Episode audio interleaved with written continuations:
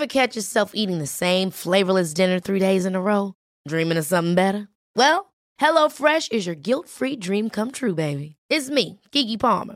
Let's wake up those taste buds with hot, juicy pecan-crusted chicken or garlic butter shrimp scampi. Mm. Hello Fresh. Stop dreaming of all the delicious possibilities and dig in at HelloFresh.com. Let's get this dinner party started. Hi, I'm Daniel, founder of Pretty Litter. Cats and cat owners deserve better than any old fashioned litter. That's why I teamed up with scientists and veterinarians to create Pretty Litter. Its innovative crystal formula has superior odor control and weighs up to 80% less than clay litter. Pretty Litter even monitors health by changing colors to help detect early signs of potential illness. It's the world's smartest kitty litter. Go to prettylitter.com and use code ACAST for 20% off your first order and a free cat toy. Terms and conditions apply. See site for details. Even when we're on a budget, we still deserve nice things. Quince is a place to scoop up stunning high end goods for 50 to 80% less than similar brands. They have buttery soft cashmere sweaters starting at $50, luxurious Italian leather bags, and so much more. Plus, Quince only works with factories that use safe, ethical, and responsible manufacturing. Get the high-end goods you'll love without the high price tag with Quince. Go to quince.com slash style for free shipping and 365-day returns.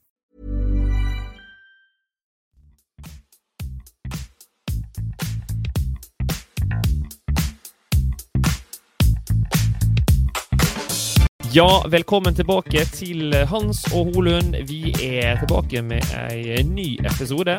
Eh, I dag har vi ikke med oss gjester, og vi skal ikke prate om noe nerdete treningstematikk. Vi skal egentlig bare prate generelt om langrenn og litt om treninga di, Hans Christer. Og da kan vi begynne der, da. Hvor det går med deg? Det, ja, nå er vi i gang, da. Så jeg har vært, uh, vært mye syk i, i 2024. Uh, Nesten ikke gått på ski, nesten ikke løpt uh, i januar. Uh, men så har jeg pent og pyntelig kommet i gang nå siste uka. Så det har vært dårlig så langt. Planen var å gå NM-stafett for Lyn. Det hadde jeg gleda meg til, men det, oh. det er ikke godt nok trent til, rett og slett. Så det, det ryker. Nei. Så ja. Så nå tenker jeg at nå, nå må jeg komme i gang med løpstreninga, sånn at jeg kan kanskje løper et løp til våren.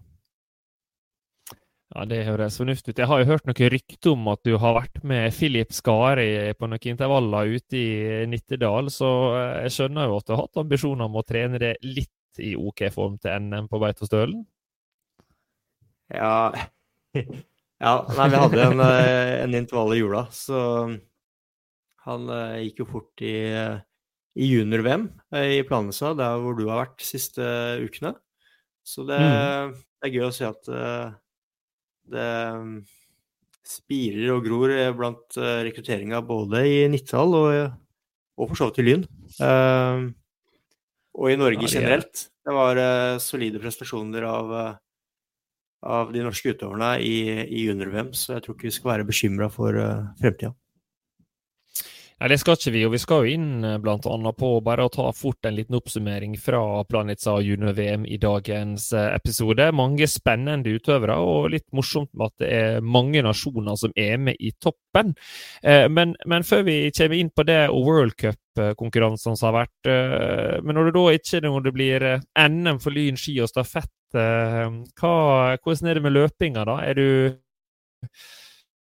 har du begynt ja, nei, med disse 100 km du skal ha i uka, eller er det litt aha. mindre enn så lenge?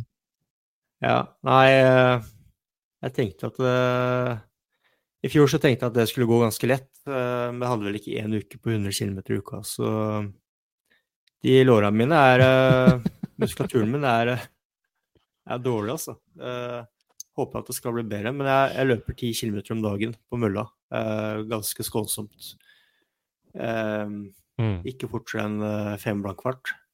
Ganske dårlig å løpe ute for tida. Og så er jo planen å bygge seg opp da, til å kunne løpe litt mer og løpe litt fortere etter hvert. Mm. Og for dere som ikke er helt inne i hva fem minutter på kilometeren er, så er det da tolv kilometer i timen, hvis jeg ikke tar helt feil. Så det er jo eh, for din del, Hans Christer, vil jeg tro ganske overkommelig hastighet å løpe på. Ja da.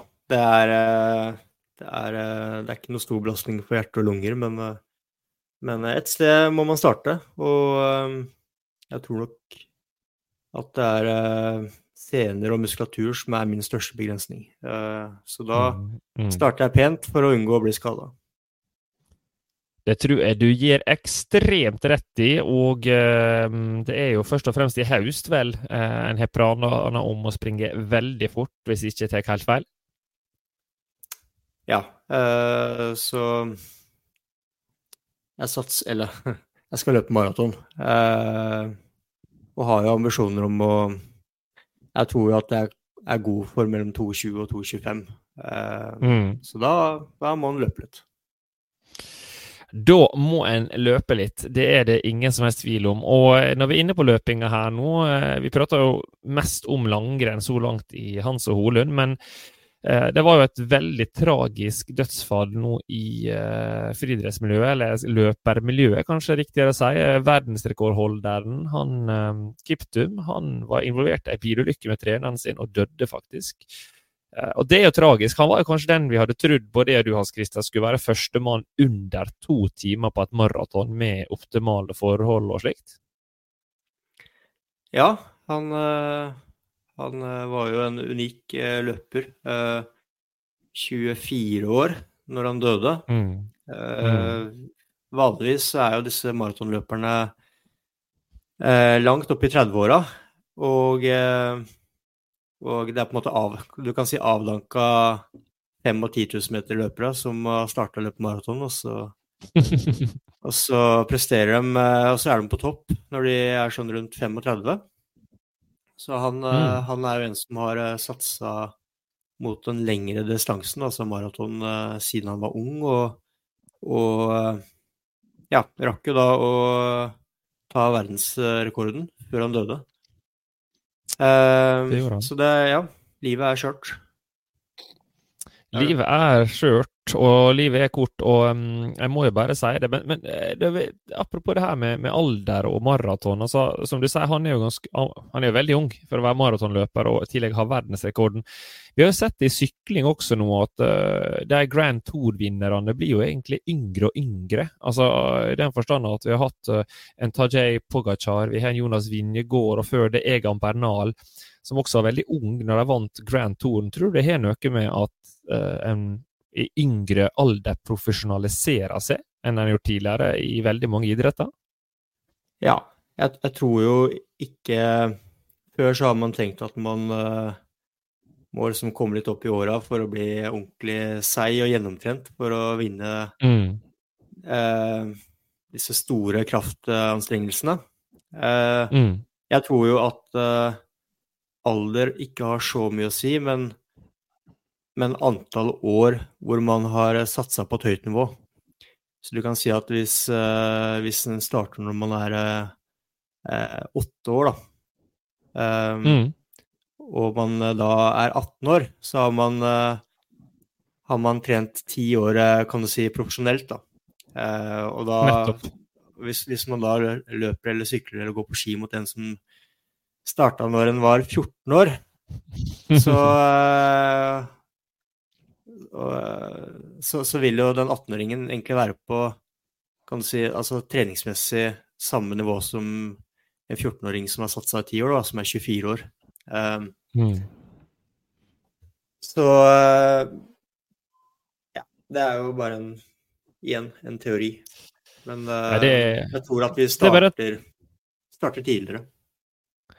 Jeg tror eh, veldig mange av utholdenhetsidrettene har blitt gradvis mer og mer profesjonalisert. og eh, En person vi skal innom i dag, er Jørgen Nordhagen, som ble juniorverdensmester i Planica. og Han er et eksempel på et ekstremt talentfull sykkeltalent fra Norge som allerede har proffkontrakt. Eh, og, og, det her er jo Sykkel er jo kommet dit nesten at det er blitt sånn som fotball. De, de headhunter 13- og 14-åringer og, og får dem på Continental Cup-lagene sine, eller de som er nivå under Pro Tour-laget sitt, og så uh, har de dem på et rekruttlag, og før de tar dem opp på elitelaget hvis de mener og tror at de kan liksom uh, bli det, ja, det store, helt store, da.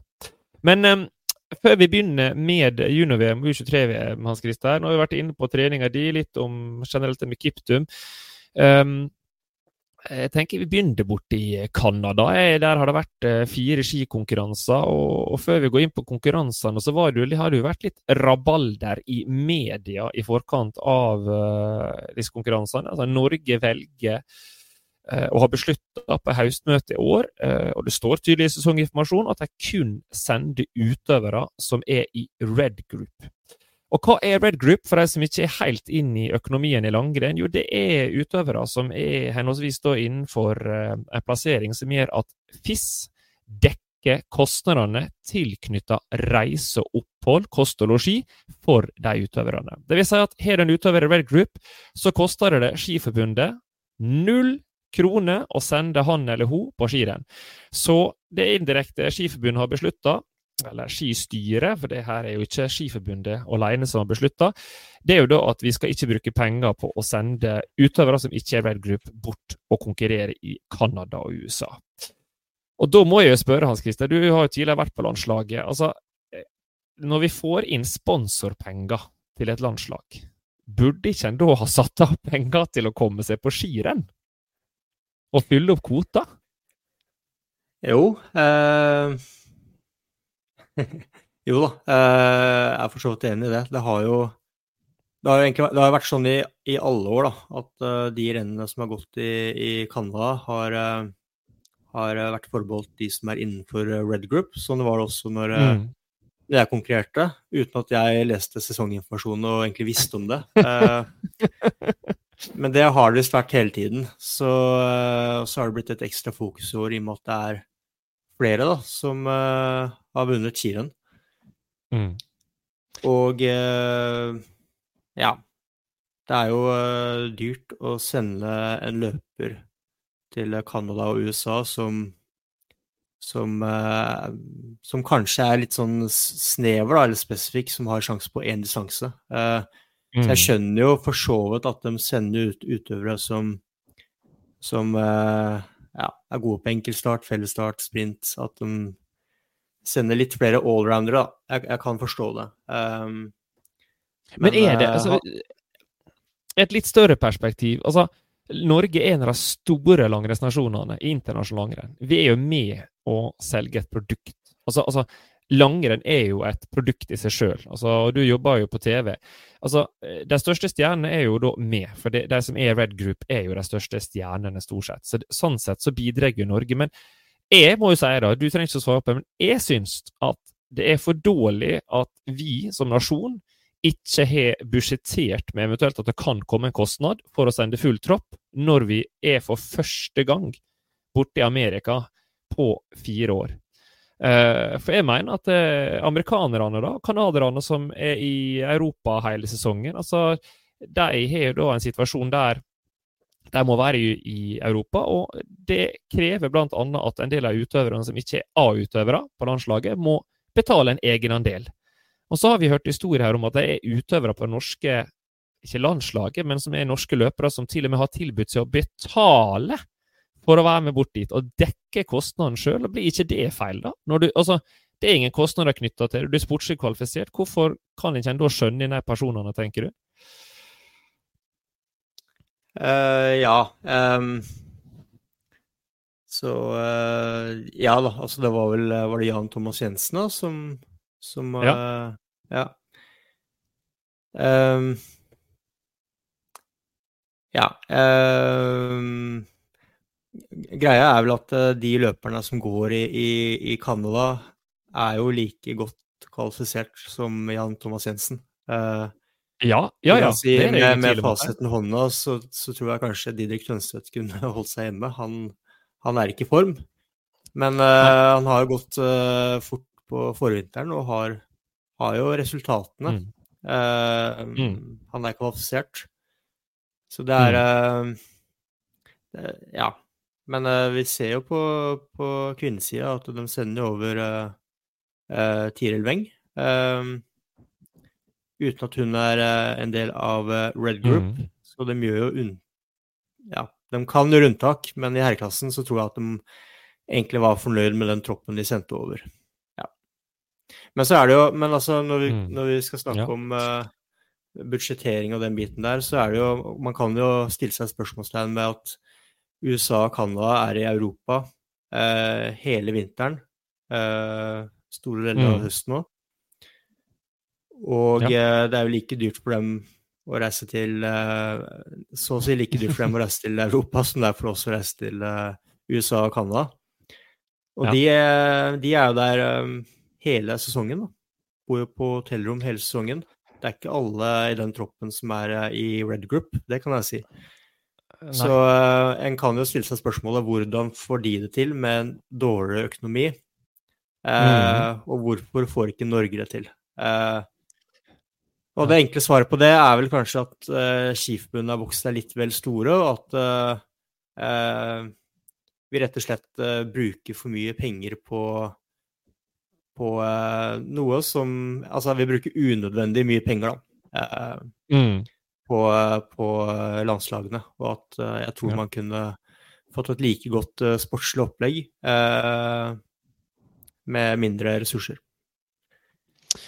Ja, uten tvil. Og eh, bare for å ta opp litt den tråden du sa, altså, du må huske at eh, de som er da fra Canada og, og og, Amerika eller USA, de reiser da bort først til Europa og konkurrerer her nå, og så reiser jo de også tilbake til Amerika, Canada, og så må de tilbake en gang til til Europa for å konkurrere i Falun og Lahti, og så må de tilbake igjen.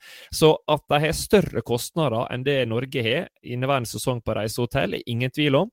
Og som du sier, jeg synes i hvert fall det er veldig legitimt at det blir en god diskusjon rundt ressursbruken uh, i forhold til den sportslige satsinga Norge har. For tross alt så vil jeg tenke at det viktigste er jo faktisk å tilrettelegge for at utøvere i Norge er og har muligheten til å reise og gå skirenn, og at vi har et godt støtteapparat rundt de utøverne som er ute og går skirenn. Det, det er ekstremt viktig, så der er nok jeg og du veldig samstemte. Og kanskje det er det som er det positive med diskusjonen som har vært rundt din eh, situasjon, at det blir en diskusjon nå til våren, eh, både i langrennskomiteen og i Norges Skiforbund. Så det håper i hvert fall jeg, da, er utfallet på det her, uten å peke finger på at eh, det er feil eller de burde gjort sånn, så håper jeg i hvert fall at det bør bli en god diskusjon rundt tematikken. fordi eh, det er klart, for internasjonal langrenn, hvis det skal være slik at vi ikke kan reise bort til Canada og Amerika for å gå noen skirenn der,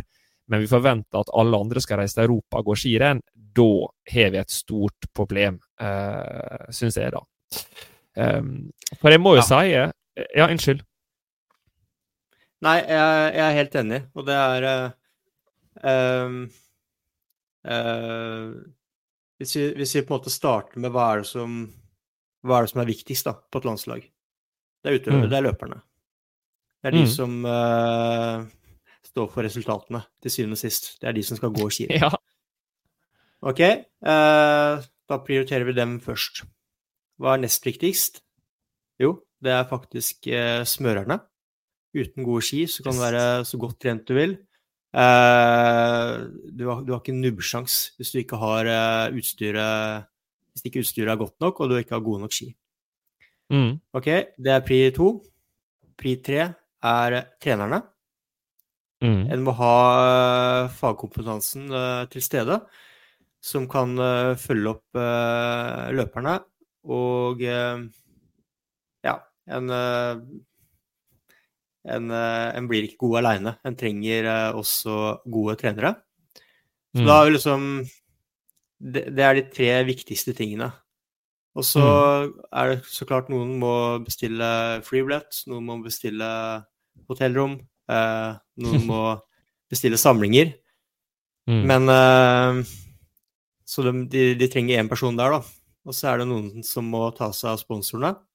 Eh, Og der trenger man et par, par personer. Uh, Mm. Ja. Men, Og så må jo første utøverne, løperne også bidra inn mot sponsorene, da. Eh, og der tror jeg Mm. også at uh, mange kan bli bedre. At, at de må ta litt mer ansvar for, for landslaget sine, sine sponsorer. Det er det du trenger for å drive et landslag. Og så er det ganske mange stillinger uten tvil, og- som, og- som jeg tror man eh, bør se på. veldig forenkla. Jeg, jeg, skjønner at det er eh, Hvis jeg hadde snakka med en nå, så hadde han uh, rista på huet. Det, jeg forstår det. Men, uh, men uh, jeg tror liksom at den må litt back to basic. Det er iallfall én ting som er sikkert, det er at når du har fått inn x antall kroner fra sponsorene dine, så må i hvert fall de tre første punktene du eh, beskriver her, være 100% på plass. Det er iallfall er urokkelig i mitt syn på eh, Hans Christer. Eh, smørere, utøvere og trener. Det må være på plass på hvert jævla skirenn. Hvis utøverne faktisk skal klare å gå så fort på ski som hodet de kan. Så har ikke jeg og du all kompetanse, på Skiforbundet, så vi er åpne for å få kritikk på våre synspunkt og meninger rundt dette her. Det gjør ingenting. Det står vi fint i. Eh, så det går nå bra. Men når vi er inne på skirennet der borte, fy flate for en plass å ha skirenn Kenmore. Altså, det er noe av de sjukeste TV-bildene jeg tror jeg har sett, nesten i, eh, i Altså sånn visuelt, da. Eh, og bra med folk rundt løypa. og det, ja, vi kan jo gå gjennom rennet. Det er noen som har ment at det var elendig sprintløype og tøys og tull og sånt. Men, men la oss nå begynne med første skirenn. Først var jo ikke tidtakerutstyret på plass, så da ble jo ikke det en eh, individuell start, eh, men en 15 km fellesstart. Eh, det i seg sjøl er jo en tragikomisk situasjon. Men hvis vi går over til renna, da, for de var jo jækla bra. La oss begynne med damesida. Eh, hva var største overraskelsen din på damesida når du så den skaterennen der, hvis det var en overraskelse? Nei, det var vel ingen overraskelse at, uh, at Jess Diggins vant. Det, det, var det ikke. Men, uh, men uh, ja, vi har jo Delfin Claudel, som, som er en sånn typisk klatrer. da, Har alltid gått fort opp Alpsarmis i, eh, i Tour de Ski. Og mm. Eh, hun, hun, ble nummer to. Det mm. tyder på at løypene er, er tøffe. Eh, mm. Og de blir tøffe fordi at det går i mellomhøyde på 1500 meter. Mm. Og så har vi Heidi, Heidi Weng og Astrid mm. Øreslind, som mm. blir nummer tre og fire. De, de, følger jo egentlig samme taktikk som de har gjort i hele år. Eh, gjør minst mulig jobb, Heng på, heng på, heng på. Ja. Eh, sats på at konkurrentene bruker unødvendig mye krefter. Det er akkurat det de gjør her òg. De, de, de, henger i strikken og er akkurat med inn. Og mm. ja, nyter godt av det. Så det er eh, Jeg mener at de får maks ut av sitt potensial per dags dato. Eh, eller sitt mm. nivå da, per dags dato. Mm. Um, ved å følge den strategien. Så jeg er egentlig veldig fornøyd med, med de to. Og så, og så, er jo damelaget under ett. Det er jo en annen diskusjon. Men, uh, men uh, det vi ser i dameklassen, ser vi jo litt det samme i herreklassen. At det er, det er Simen Krüger vinner, går ifra. Mm. absolutt ingen overraskelse. Han er kanskje den løperen som er best trent i feltet, og i tillegg så er han er han uh, god i høyden. Uh, mm. men, men, så ser vi også at uh, de, som, de som er mange av de som er topp ti, er også høyt oppe på listene i, i Alpstermis, monsterbakken i Tour de Ski. Så, så er, jeg syns det er litt gøy å se at det er litt andre løpere som er oppe i toppen her, da, enn hva vi mm. ofte ser i, i, på skirenn i Skandinavia. Mm. Jeg er helt enig. og jeg jeg syns det er kult. Eh, der er jo eh, en amerikansk jente, Sofia Laukli, som forsøker å gjøre det samme som Krüger gjør. Eh, lykkes ikke med å komme seg løs, vel å merke, men det syns jeg også setter veldig farge på rennet. Og det at det er en såpass lang sammenhengende arbeidsperiode i rennet som det var i Canmore, gjør jo også at det blir en litt sånn dramaturgi i forhold til Klarer en å glide inn igjen nedoverbakkene? Klarer en ikke å glide inn igjen nedoverbakkene? Og jeg syns det er kult med en annen type løype, som stiller litt andre krav. Eh, og igjen, som du sier, at det blir også en litt andre utøvere som er i front der. Så må jo jeg, eh, selv om både jeg og du er gode venner med Simen, så må jeg si at det er utrolig imponerende å klare faktisk å gå ifra, uh, ifra front uh, på en 15 km. Det er rått. Det syns jeg Ja, det er helt rått, faktisk. Ja. Og så skulle jeg ønske han ikke tok ned det bildet på sosiale medier, for det syns jeg også var rått. Ja, ja, ja. Eh, hun må, må, stå i det. Men eh, det er klart, fyren skal gifte seg til, til sommeren, og, og eh, Ja. Men eh, jeg syns det var morsomt. Ja, jeg syns det var helt rått. Og vi beveger oss videre da til eh, samme type disiplin, iallfall stilart. Det var en skøytesprint der. Kanskje ikke så spennende der. Eh, resultatmessig så var det kanskje litt som forventa. Lang, lang eh, nedoverkjøring mot mål. Jeg syns jo det var litt kult også, faktisk. At du får litt den eh, taktiske biten der med hva posisjon skal du ligge i. Og så i gutteklassa så er Johannes først ned bakken og først i mål. Så det viser jo at du kunne vinne fra første posisjon, andre posisjon, tredje posisjon. Kristine Stavås Skistad hun velger en helt annen taktikk. Eh, og, og, sende et lite slengkyss til svenskene over målstreken. Eh, og det er kanskje et, det høydepunktet for meg på sprinten. Det er jo den her eh, Hun byr opp til eh, dans, Kristine, mot svenskene. Ja, ja, ja. Så vi trenger eh, vi, vi, trenger den rivaliseringen som som har vært i mange år mellom Norge og Sverige, eh, spesielt når Northug var på topp. Og de senere årene har det vært med, med Russland, og går ikke de skirenn lenger. Så, så det, er, eh, det, er, eh, det er viktig for underholdningen. Og vi driver i underholdningsbransjen, så vi må kunne by litt på oss sjøl. Og så er jo tøff, da, som Hun er jo til tider ganske frekk mot, mot svenskene, med et glimt i øyet. Uh, men det er jo en del på sosiale medier som ikke skjønner det med glimt i øyet. Så hun får jo utrolig mye hat uh, på en del kommentarer. Og, uh, men hun står i det. Ser ikke ut som hun bryr seg så mye. Det, det, det går i så fall ikke utover resultatene hennes i, i skisporet. Så, så, det er gøy. Utradisjonell. Ja, det syns jeg. Jeg syns det er helt fantastisk, rett og slett. Ja, like før pausa hadde vi gått gjennom eh, de første to rennene i Canmore. Vi har prata litt om eh, økonomiforbruket til Norges Skiforbund, løping eh, og ja, egentlig litt av alt. Men um, hvis du går videre med løpet i Canmore, så har vi to klassiske renn uh, til slutt. Det var en fellesstart 20 km klassisk. Uh, og uh, der vil jeg jo si at det var også veldig morsomt å se på. Eh, folk satte fart på siste runden. Eh, på jentene så gikk det fort allerede fra runde fire. Eh, men er det noen overraskelser, syns du? Sånn sluttresultatet? På verken herre- eller kvinnesida? Nei Nei, men altså Pål tar jo Johannes da i spurten. Det er jo ja. Han gjorde det i VM i fjor. Gjør det igjen mm. i år. Mm. Så eh, om det ikke er en overraskelse, så er det jo eh, ikke mange som har gjort det før han.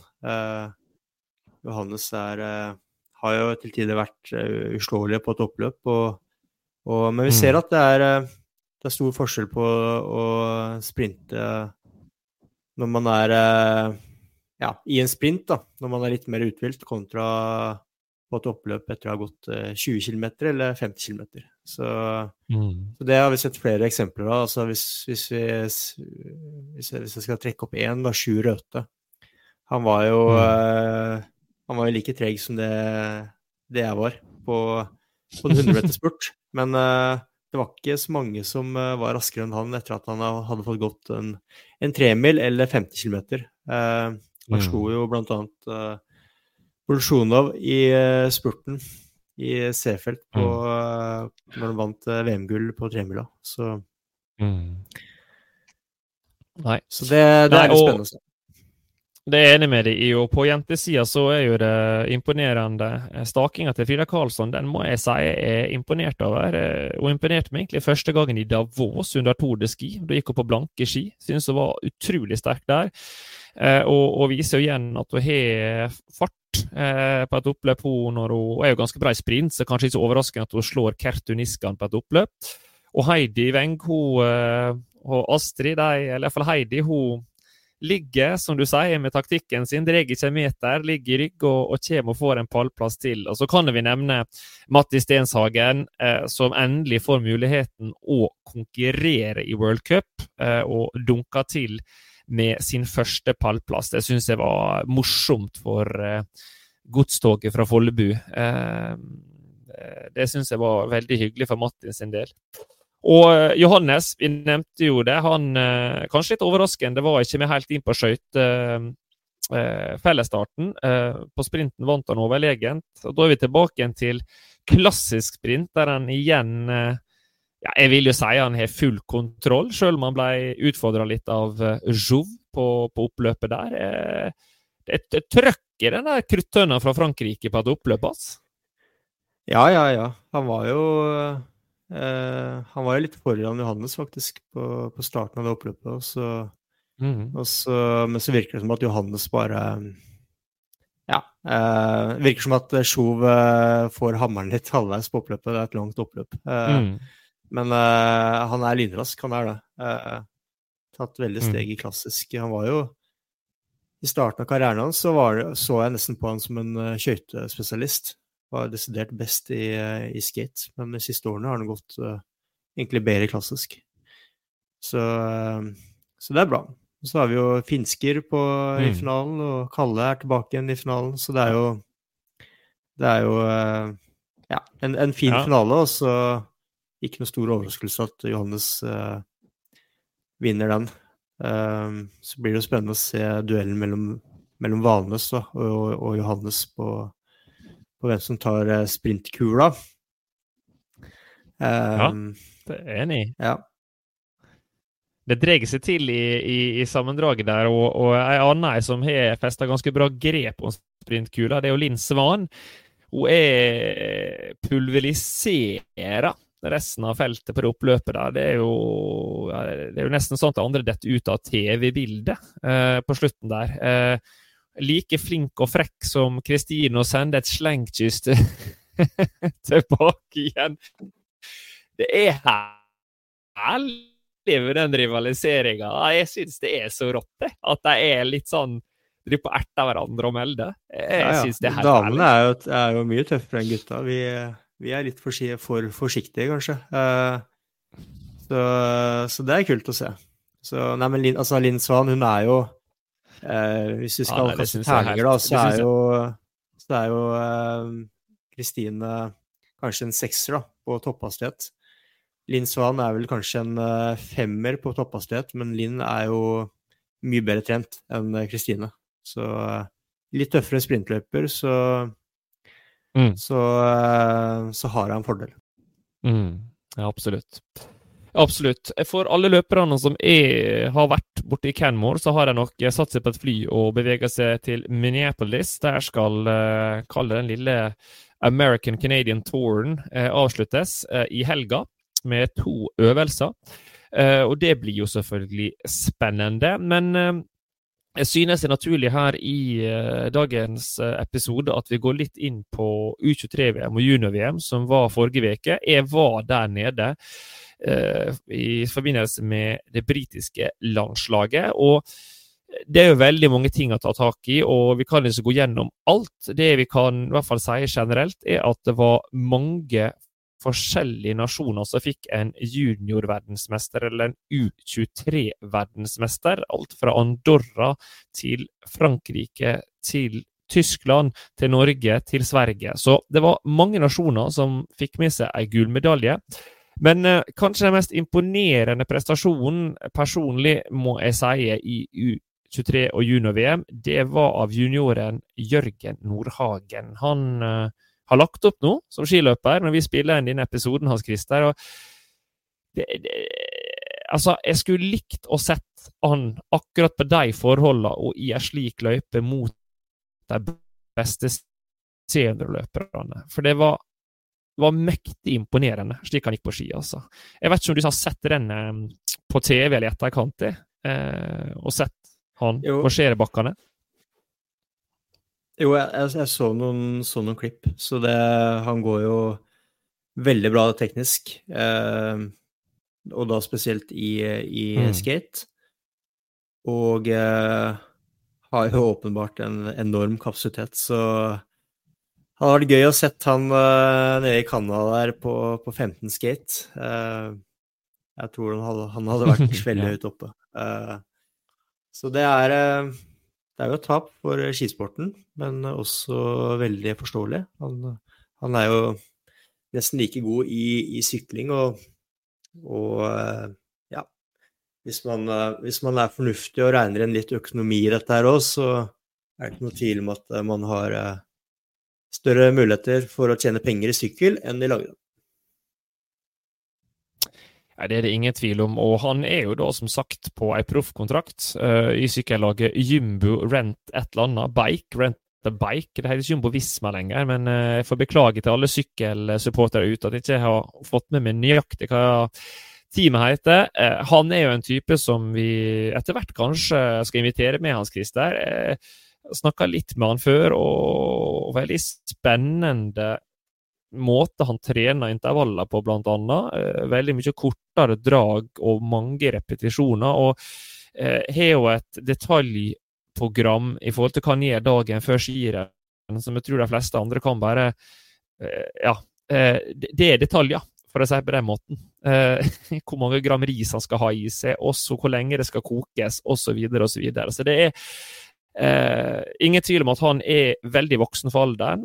Og det er ingen heller tvil om at den prestasjonen han gjorde på den fellesstarten nede i junior-VM, er eh, mektig imponerende.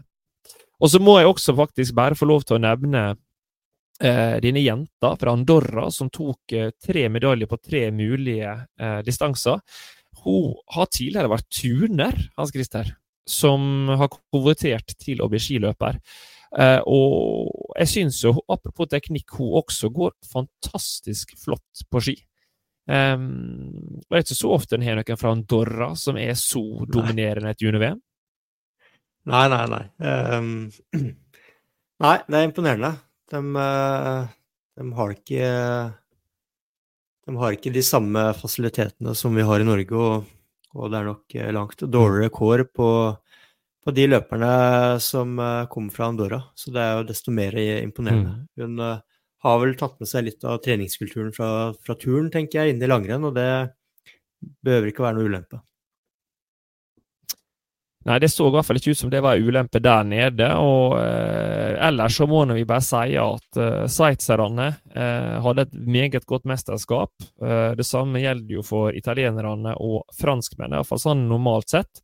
Eh, og Norge hadde jo selvfølgelig også et bra mesterskap, men eh, vi er jo bortskjemte på juniornivå.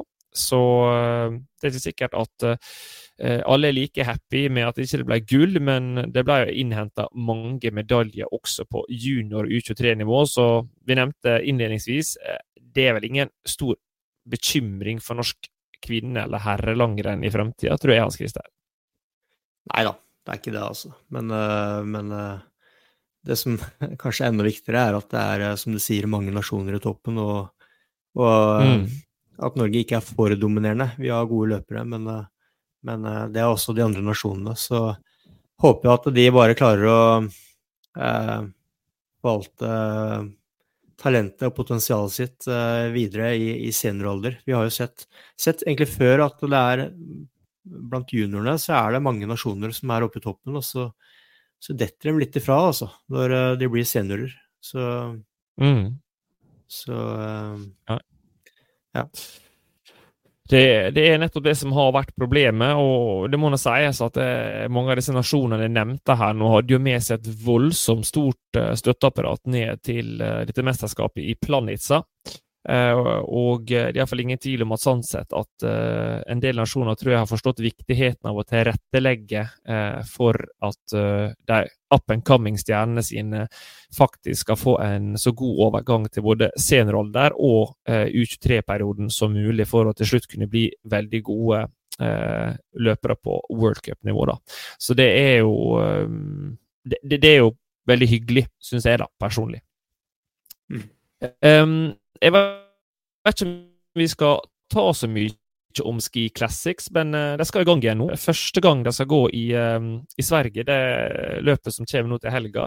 60 km. Uh, vi har ikke snakka så mye om Ski Classics i år, men vi kan jo fort teppe inn på det. Er det noen store overraskelser for din del i Ski Classics så langt i år? I årets sesong?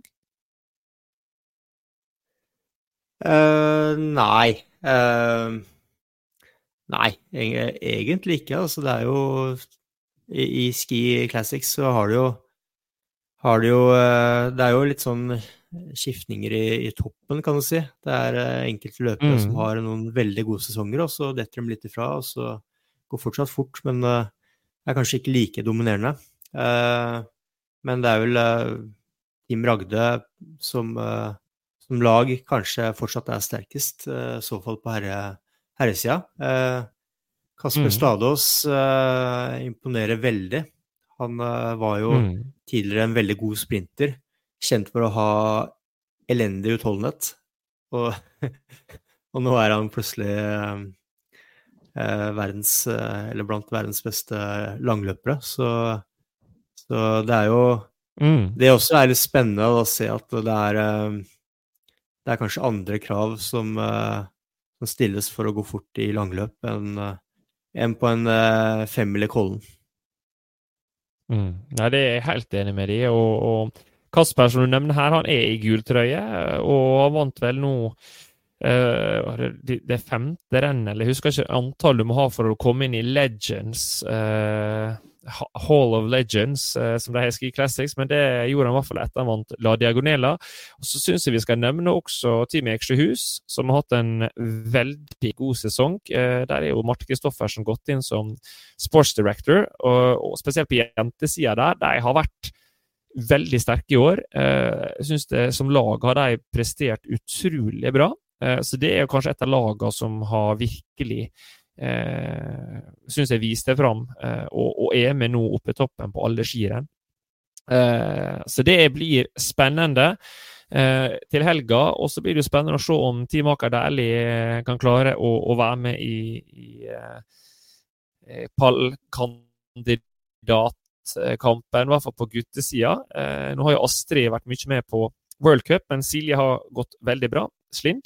Eh, men på guttesida har det vært dårlig på, på, på teamet Aker Dæhlie. Og Emil Persson har vel heller ikke vært så dominerende som han var siste år. Så um, med erfaring så er det vel ofte sånn at du kan snu litt uh, siste del da, av Ski Classics etter den første perioden. Så um, vi får se hvor det går til helga, uh, og det nærmer seg også Vasaloppet for deres del, så det blir spennende. Men Hans Christer, jeg tror ikke vi skal ta så mye mer eh, på dagens episode. Eh, som vanlig, har dere spørsmål, send oss ei melding. Eh, og eh, med det Hans Christer, så tror jeg vi bare skal ønske alle som hører på oss, ei riktig god uke videre. Og så høres vi neste uke igjen.